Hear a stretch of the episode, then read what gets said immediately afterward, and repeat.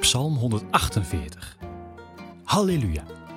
Zing voor de Heer, bewoners van de hemel. Zing voor Hem hoog daarboven. Al zijn engelen, zing voor Hem. Zing, alles wat in de hemel leeft. Zon en maan, zing voor Hem. Zing, alle heldere sterren. Zing voor Hem, hoge hemel, en ook het water daarboven. Zing allemaal voor de Heer, want jullie bestaan omdat Hij het wilde. Hij gaf jullie een plek voor altijd. Zijn besluiten veranderen niet. Zing voor de Heer, bewoners van de aarde. Zing, dieren in de diepe zee.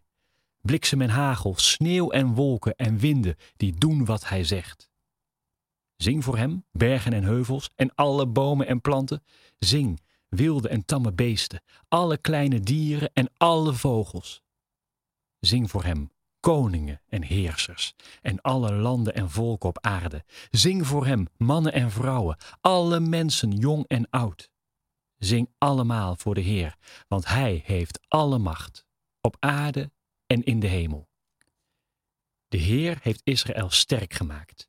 Iedereen kent het volk van de Heer, het volk dat bij hem hoort. Halleluja.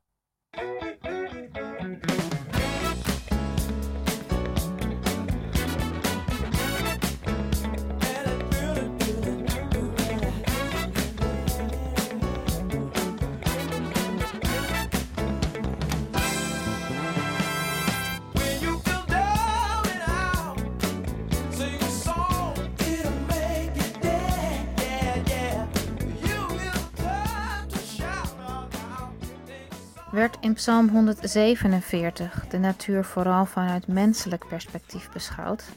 Leven van een rijke oogst en zonder natuurgeweld. In Psalm 148 wordt de hele schepping in ogenschouw genomen. Van de hoge hemel en de toppen van de bergen tot de eindeloze, pijloze diepte van de zee. Het is alsof je vanuit een drone over het aardoppervlak scheert en de hele wereld overziet. Alle elementen uit het scheppingsverhaal passeren de revue. En de dichter volgt ook in grote lijnen de volgorde van hoe God de aarde deed ontstaan. Te beginnen met de hemellichamen, de zon, de maan en de sterren, om het verschil te maken tussen dag en nacht. Daarna volgt het onderscheid tussen hemel en aarde, op de voet gevolgd door water en land. Nu staat het decor waarin de levende wezens hun leefgebied kunnen krijgen.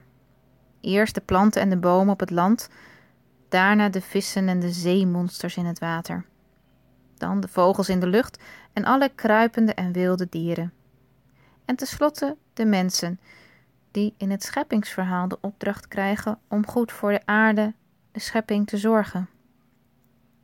Alles en iedereen wordt opgeroepen in deze psalm om God te loven, om het leven te leven zoals het bedoeld is. Dat de schepping elkaar in evenwicht houdt, elkaar in leven houdt. Als ik door het raam naar buiten kijk, door de stad loop of over de snelweg rij, lijkt het evenwicht danig verstoord. Paradise lost?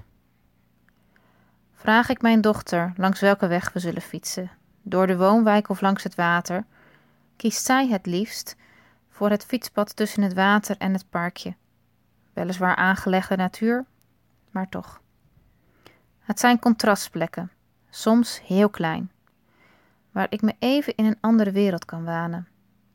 Als ik ga wandelen aan de rand van de stad, zoek ik als vanzelf de meer natuurlijke plekken op, terwijl ik de industrieterreinen en de bedrijvenparken probeer te vermijden.